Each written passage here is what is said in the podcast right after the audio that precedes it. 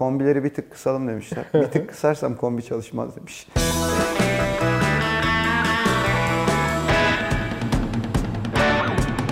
Hocam karkış kıyamet. Ortalık birbirine girdi. Ee, ama asıl mevzu İstanbul Havalimanı'nda oldu. Koca bir havalimanı çöktü. Oysa çok yakın bir tarihte yapılmıştı. Öncelikle Duvar çöken.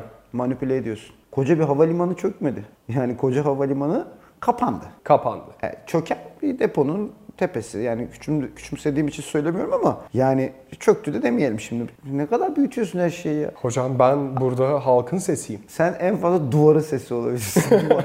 Ama şöyle bir sorun var bak haklısın bir taraftan. Yani o çöküntü bile aslında bir sistemin çöküntüsünün göstergesi. Hocam Yani peki bu illa her şeyin çökmesine gerek yok. İlla bütün tepenin inmesine gerek yok. Türkiye'de en yeni e, yapılmış, en e, itibar işlerden biri denen bir yerde kar yağışıyla çöküyor. Yani kar. Tepedeki karı kaldıramıyor artık. Ve asıl mesele çöküntü insanların orada kalması. Uçaklardan inememeleri, saatlerce o şekilde kalmış olmaları. Dolayısıyla yani inanılmaz bir sistemin kadar bize e, vasatı dayattığının bir göstergesi. Merhaba Gazete Duvar izleyicileri. Bugün yine Oğuz Demir'le birlikteyiz. Akademisyen Oğuz Demir ekonomiye dair merak ettiklerimizi soracak. Hocam Haydi, sor, İstanbul sor. Havalimanı sizin deyiminize kapandı, benim deyimimle çöktü. Peki bu kaybı kim ödeyecek? Şimdi verilen habere göre e, Türk Hava Yolları orayı bir İspanyol şirkete yaptırtmış. Dolayısıyla yani bu herhalde şirketten tazmin edebilecekleri bir şey var mıdır yok mudur bilmiyorum ama mesele sadece Türk Hava Yolları'nın işte o deposunun çökmesiyle ilgili, tepesinin çökmesiyle ilgili değil. Yani orada e, binlerce insan mahsur kaldı. Uçaklar kalkmadı. E, buradan oraya gidiş olmadı. Geliş olmadı. Dolayısıyla baktığın zaman yani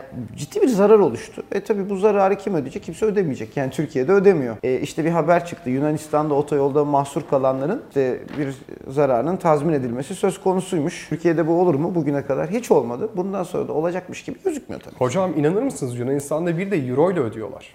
Ya para birimi euro oğlum. İyi misin? Duvar. Kendine gel. Hocam ne euro yapacak? ve- Türk lirası mı ödeyecek? Hocam euro ve doları görünce benim gözlerimin ışıltısı Ya artıyor sakinledi. biliyorsunuz. Eski bak sakin. Şimdi şu şöyle şeyler var. Evet çok travmatik bir Aralık ayı yaşadık. Yani 18'leri gördük. Euro'da 20'lerin üstüne gittik. Ama dikkat edersen son bir aydır bir sükunet var. Zaten bakan da geçtiğimiz hafta sonu ekonomistlerle olan toplantısında bunu söylemiş. Bakın kontrol altına aldık. Zaten şunu söylüyoruz. Yani bu kontrol altına alınmış olabilir şu anda. Ama bu geçen hafta da konuştuk ya yani bir baraj seti. O baraj setinin önünde su birikiyor şu anda. Ve biliyorsun Amerikan Merkez Bankası'nın bu akşam bir toplantısı var. Yani Amerikan Merkez Bankası bu akşam e, bir karar verecek. Piyasanın beklentisi bir faiz artırımı olacağı yönünde değil bu toplantı için. Ama bir sonraki toplantıda faiz artışının sinyalleri geliyor. Amerika'da enflasyon yüksek. Amerika'da enflasyonu yükseltmek için ya da dünyanın geri kalanında da olduğu gibi Türkiye hariç genelde faizlerin böyle bir artış sürecine girmesi ya da bir parasal genişlemeden vazgeçilmesi söz konusu. O yüzden de geldiğimiz noktada şimdi bu akşamki kararla beraber orada bir faiz artışının zemini hazırlanacak. Hocam. Bu birikim demek. Yani o e, barajda bekleyen suyun daha fazla artması demek. Türkiye'de de Türk lirasının üzerindeki baskının önümüzdeki dönemde bizi daha fazla artması anlamına geliyor. Hocam kocaman bir soru soracağım, soracağım size ama kocaman sorma, Ee, küçümen sor. Bana böyle iki cümleyle anlatabilir misiniz? İki Hocam cümleyle. Amerika'daki faiz kararı Türkiye'yi neden ve nasıl etkiliyor? Şimdi normal şartlar altında şöyle oluyordu. Amerika'da eğer faiz kararı Amerika'nın faizi arttırması anlamına geliyorsa yani öyle bir sonuç çıkıyorsa bütün dünyadan o güvenli limana doğru para gidiyor. Bunun içerisinde Türkiye'de vardı. Yani bizim gibi ülkelerden görece riskli gelişmekte olan ülkelerden risksiz gelişen gelişmiş ülkelere para gider. Faiz artışın. Ama bizim zaten içeride çok da fazla yabancı kalmadı. Bizim için şu an faiz artışının ana sorunu önümüzdeki dönemde uluslararası piyasalardan borçlanmak durumunda kaldığımız, döviz açığı için döviz bulmak zorunda kaldığımızda daha yüksek maliyetle borçlanacağımız bir döneme işaret ediyor olacak. Yani Amerika'nın faiz artışı şu anda bir anda Türkiye piyasalarında eskiden olduğu gibi böyle bir sarsıntı yaratacak durumda değil. Çünkü içeride yabancı kalmadı dışarıya gidecek. Çok az kaldı öyle diyelim kalmadı demeyeyim de. Ben de senin gibi abartmayayım duvar. Yani bu gidiş e, zaten gerçekleşti bayağı. Kalanlar da zaten hani Türkiye'de uzun süredir kalanlar ya da e, al sat yapıp hani gündelik giriş çıkış yapanlar. Şimdi bu karar bizi bu yüzden önümüzdeki dönemde olumsuz etkiler. Biz döviz açığı olan 167 milyar dolar dış borcu ödemesi olan bir yıl içerisinde işte ithalatı ihracatından fazla olan dolayısıyla da her sene belirli bir miktar dövize ihtiyacı olan bir ülkeyiz. E, rezervler de zaten e, eksiye gitmiş durumda. E, şimdi bu dö- e, bir de enerji fiyatları artıyor öyle değil mi? Bak pet- petrol fiyatı artıyor, doğalgazın fiyatı fiyatı artıyor, benzinin fiyatı artıyor. Dolayısıyla ödememiz gereken dövizin tutarı artıyor. E bizim bunu bulmamız gerekiyor. E nasıl bulacağız? Gideceğiz piyasadan borçlanacağız. Hangi piyasadan? Uluslararası piyasadan borçlanacağız. Ya bu, bu sefer adam diyecek bir dakika ben Amerika'ya mı borç vereyim? Amerika'ya mı götüreyim paramı? Türkiye'ye mi? Amerika'da bana çünkü daha yüksek faiz ödemeye başlayacak diyecek. Tamam Türkiye'ye göre daha düşük gözükebilir o faiz ama orada bir de garanti para var. Yani biliyorsun ki e, Lannister'lar her zaman borcunu öder. Kim Lannister'lar? Amerika Birleşik Devletleri. Tabii ki Türkiye'de borcunu öder ama biz biraz daha böyle şey hani Lannister'lar gibi değiliz de neydi o? Kuzeydekiler gibiyiz. Yani işte neydi onların adı? Lord Lord neydi ya? Kuzeydekilerin adı. Kuzeyin kralı gibiyiz işte ya. Öyle söyleyeyim. Adını aklıma gelmedi. O dizi bitti. O dizi bitti hocam. Hadi ya. Ama sonunda biraz bozdu. Üzerinden çok geçmiş. Geçti Hatırlayamadım bak. Neydi ya onların adı? Bizim izleyenler lütfen bu videonun altına Kuzey'in kralı o ailenin adı neydi? Şuraya yorum olarak yazsınlar. Yazsın hocam bir de şey finalde kral öldü. He, hangi kral öldü? Onu Kuzey'in kralı. hocam. Lo- Lord Snow. Sizin için o uygunsa o ölsün hocam. Lord Şimdi siz öldü. kar kış kıyamet dediniz. Biz kış geliyor'a alıştık. Lakin kış geldi. Bak mesela o dizide kuzeydekiler hiç sorun yaşamıyordu. Yolları falan hiç kapanmıyordu. Niye? Çünkü hocam kuzeyin bu şakayı yapmayacağım. Kelime şakası yapmıyoruz. Çünkü bak ben sana söyleyeyim neden biliyor musun? Çünkü alışkın, hazırlıklı ve başına geleceği biliyor. Kuzeyliler böyle yani mesela İskandinavya'da da mesela kar bize nereden geldi? İskandinavya'dan geldi. Orada böyle İskandinavya'da sürekli var bu kar. O kadar dert olmuyor. Hocam yıllardır Türkiye'de görmediğimiz bir şey oldu ve yolları bile böldüler. O yüzden bu kara biz bir süre daha katlanacağız gibi görünüyor. Vallahi- Kar demişken hocam arkadaşlarla buluştuk. Dedik ki birer kahve çay içelim. Duvar senin arkadaşların nasıl tipler? Hocam onlar da medya dünyasından. Öyle mi? Evet işte kimisi duvar, kimisi pencere deyip yine kötü bir espri yapmış. Buradan Yavuz Oğan'a selam olsun. Geçenlerde yandaki yandaki bir gazetenin penceresiyle gazete duvar, oturdum. gazete pencere falan. Evet çay çorba içtik Abi demeyeceğim. Ama bak ondan sonra bir de hükümete kızıyorsunuz inşaata taktı diye tamam mı? O bütün medyada inşaata takmıştım. Duvar, pencere. Bu ne abi? E son 20 yılımız onunla geçti hocam. Evet, Daha siz de iyisini göremedik adapte henüz. oldunuz, adapte oldunuz. Peki. Hocam arkadaşlarla biz karda çay içelim derken mahsur kaldık. Ben de hemen onlara dedim ki hepsini yakalamışken ya dedim bana bir borç verin de bir araba alayım. Bir tanesi bana dedi ki ya Duvar sen dedi daha benzin alamazsın. Arabayı nereden çıkardın? Öyle deme ya bak. Mesela bakan Benzine hocam kim ucuza alıyor, kim pahalı alıyor? Ne Bak oldu o işler? Bakan Fatih Dönmez e, Habertürk'te bir programda dedi ki 26 lira dedi Avrupa'da benzin. Yani Avrupa'da gittiğin zaman 26 lirayı verdiğinde sana benzin veriyorlar sanki. Öyle mi? Sen gidip mesela ben sana vereyim şimdi 26 lira git bir litre benzin al mesela Yunanistan'dan alabilir misin? Alamam hocam. Neden? Hocam ben duvarım nasıl gideyim? Ya tamam sen de işine geldi mi arkadaşlarınla dışarıda buluşuyorsun. İşine geldi mi buluşmuyorsun. Bak 26 lira vereceğim sana. Benden olsun tamam mı? 1 litre benzin.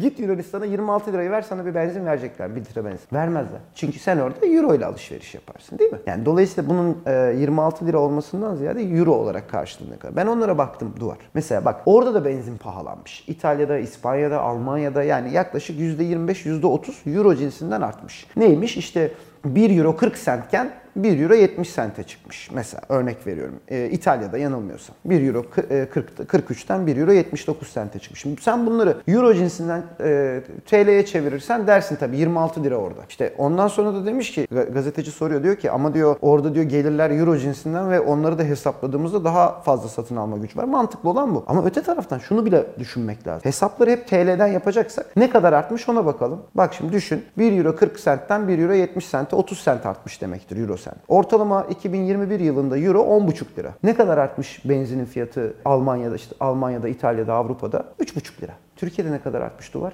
7 lira. E onu söylemiyorsun. Madem her şey TL üzerinden hesap yapacağız bunu da böyle yapmak lazım. Bu bazen iyi yap bu tip söylemler iyi yaptığın işlerin üstünü örter. Bak mesela hükümet şunu söyledi. Dedi ki bu zamları yansıtmamak için çaba sarf ettik. Biz bunun böyle olduğunu Aralık ayındaki bütçe açığından görüyoruz. Çünkü Aralık ayında bütçe açığı özellikle enerji sübvansiyonu nedeniyle olmuş. Tamam mı? 60 milyar liraya yakın devlet para harcamış. İkinci bir örneği de şu. Biliyorsun şu an doğalgaz sorunu yaşıyoruz. Neden? Çünkü zamanında ucuza alınmış olan doğalgaz depoda duruyordu. Yenisini alıp daha pahalıdan bize satmak yerine eskiden ucuz aldıklarını bize satmışlar. Ama bunun da bir sıkıntısı var. E şimdi e, senin e, ga- gaz sevkiyatı yavaşladığında ya da durma noktasına geldiğinde sana İran'dan, Rusya'dan ya da başka bir yerden e depon da boşsa millete yansımasın zam yapmayayım ben siyaseten popülaritem düşmesin diye o zammı yapmadığında bugün hiç gaz bulamaz hale geliyoruz. 3 gün fabrikalar kapandı hocam. Bu ne E bu yüzden kapanıyor işte. Niye kapanıyor? Bak Dünya Gazetesi'nde bir haber var.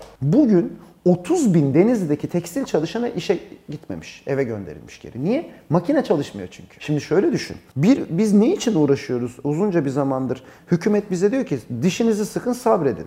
Kur arttı, fiyatlar zamlandı ama üretim ekonomisine geçiyor. E, üretim ekonomisi sadece faizle, faizi düşürerek olmuyor. Onun enerji arka planını planlaman lazım. Onun yatırım planını yapman lazım. Sadece faizi düşürdüm ki faiz de düşmüyor. Hani baktığın zaman e, üretim olmuyor. Bu uzun vadeli planlardır. O yüzden biz şunu söylüyoruz. Hani Hazine ve Maliye Bakanı çıkmış ekonomistlerle ya da işte piyasacılarla yaptığı toplantıda demiş ya artık politika faizini önemsizleştirdik biz. Yani Merkez Bankası önemsiz diyor. Bütün dünya merkez bankalarının elinin içine bakıyor, ağzından çıkan lafa bakıyor. Biz orayı önemsizleştiriyoruz. Ne uğruna? Üretimi arttıracağız. Her şey yoluna gidecek. Ya işte bak kısa vadede Merkez Bankası işini düzgün yaparsa sen orta ve uzun vadede üretim ekonomisine geçebilirsin. Ama bizde Kısa vade yok, her şey uzun vade. Her şey uzun vade. Uzun vade dediğin şey uzun vade işte yani. Değil mi? Önce kısa vade sorunlarını çözeceksin ki o kısa vadeler birleşip seni orta vadeye ve uzun vadeye götürecek. Biz tam tersini yapıyoruz. Önce uzun vadeli sorunu çözülüp, önce uzun vadeli sorunu çözersek kısa vadeli sorunlarımız çözülür mü? Bilmiyorum ya Duvar bu benim kafamı çok karıştırıyor. Bana pek olacakmış gibi gelmiyor. 3 kuruş param vardı. Anacığımın sözünü dinlemedim. Altına yatırmadım. Gittim kripto parayı yatırdım. Dediler ki Aferin. Anıl, Aferin. dediler ki Duvar sabah köşesin. Köşesi. Köşesin dediler hocam. Sen zaten köşesinde var. Onlara anlatamadım hocam bunu. kelime şakası. Hocam sabah bir uyandım. Bütün dünya yasta. Bir baktık ki aman Allah'ım bitcoinler onlar bunlar. Her şey çökmüş. Ne oldu hocam dünyada? Şimdi bak Duvar neden arttı? Herkes şöyle diyor. Şu yüzden arttığını söylüyor. İşte gelecekte bunlar asıl e, varlıklar, asıl esetler, asıl şeyler bunlar olacak. Araçlar. Şimdiden yerimizi tutalım. Böyle söylendi. Ama aslında öyle olmadı. Neden oldu? E, gelecekte olacak bir şey gelecekte alırsın değil mi? Bugünden niye alasın yani? Hani tamam bu para çok para kazanacağım gelecekte deyip bugünden o yatırım yapabilirsin ama trilyonlarca dolar akmaya başladı oraya. Bu dolar ucuzken ak. Yani pandemi bak ne zaman kripto paralar böyle acayip uçmaya kaçmaya başladı? Pandemi döneminde. Niye? Pandemi döneminde borsalar işte şirketler iş yapmayacağı için düşmeye başlamıştı. Hükümetler, merkez bankaları faizleri indirdi. Elinde tasarrufu olan, parası olan insanlar ya dediler biz bu parayı ne yapacağız? Nereye koyacağız? Borsalar böyle, faiz böyle, altın böyle yani. Çünkü her şey iyi gitmedi yatırım araçları. Aa bak burada ileride yeşillik olacak, şimdi dutluk olan kripto paralar var. Gidelim bu dutlukları tutalım biz dediler. Öyle bir para aktı ki e şimdi nereye bak şimdi biz seninle desek ki insanları etkileme gücümüz olsun şu cihaz ileride trilyonlarca lira olacak. Gelin yatırım parayı buna desek ve millet buna para yatırmaya başlasa bu trilyonlarca dolar bugünden olur. Bak gelecekte trilyonlarca dolar olacak diyorsun bugün trilyon dolar olur. Anladın mı ne demek istedim? Herkes bunu satın almaya başlarsa bunun fiyatı artar. Şimdi kripto varlıklarda da böyle oldu. Herkes oraya parasını aktarmaya başladığı zaman hop şişmeye başladı. Ama bütün dünyada bu işleri profesyonelce yapan uzmanlar var, finansçılar var. Bak küçük yatırımcının sıkıntısı hep budur. Bunlar önden böyle analizler yaparlar, araştırırlar, bakarlar, duyarlar, konuşurlar. Bunlar Hocam şunu dünya görürler. kadar grafik okudum. Evet bak şimdi şu anda onlar şunu görüyorlar. Faizler artıyor, borsalar coşuyor. Oo yani garanti paralar ve gelecekte e, ne olacağını bilip bilmemenden bağımsız olarak bugün garanti paranı almaya başlıyorsun. Hadi biz buradan çıkalım buraya gidelim dediler. E öyle olunca bunu satmaya başladılar. Bunu satmaya başlarsan çok satılırsa bu bir şeyin arzı artarsa ne olur? Fiyatı düşmeye başlar. Ve oralarda öyle istikrarlı bir düzenli işlem olmadığı için çok satış geldiği anlar itibaren fiyatlar çökmeye başlıyor. Bak 60-70 bin lira dolarlara giden bitcoin 30 küsür bin dolarlara kadar geriledi. Buralarda dikkatli olunması gereken şey şu. Birisi size bir şey değerli olacak dediğinde gerçekten değerli olacaksa ve uzun vadede olacağını kabul ederek onu satın almak gerekiyor. Ama bizde ve dünyada bu ileride değerli olacak ben bugün satın alayım yarın kazanayım. Ya şimdi gelecekte değerli olacak bir şeyi bugün alıp yarın satarsan kıymetli olma ihtimali veya da kaybetme ihtimalin her zaman vardır. Şu anda da insanlar bunu yaşıyor. Bak dövizde de aynı şeyle karşı karşıya kaldık. Anladın mı? Müdahale gelmedi, müdahale gelmedi. Çok değerlenecek, çok değerlenecek diyen birileri çıktı. Yani Türkiye ekonomisinin aslında gerçekten doların bir anda böyle 20'ye gitmesinde ekonomik olarak böyle çok büyük gerekçeler yoktu. Siyasi olarak yaratılmış ekonomik gerekçeler oldu. İşte bu faiz tartışması. Ama gördüğün gibi gerçeklere döndüğünde, normalleşme başladığında pat asıl değerine dönmeye başlıyor iş. Anladın mı ne demek istiyorum? Kripto para da böyle. Bundan sonra da ben sana söyleyeyim Duvar bak arkadaşlarınızla da konuşun bunu.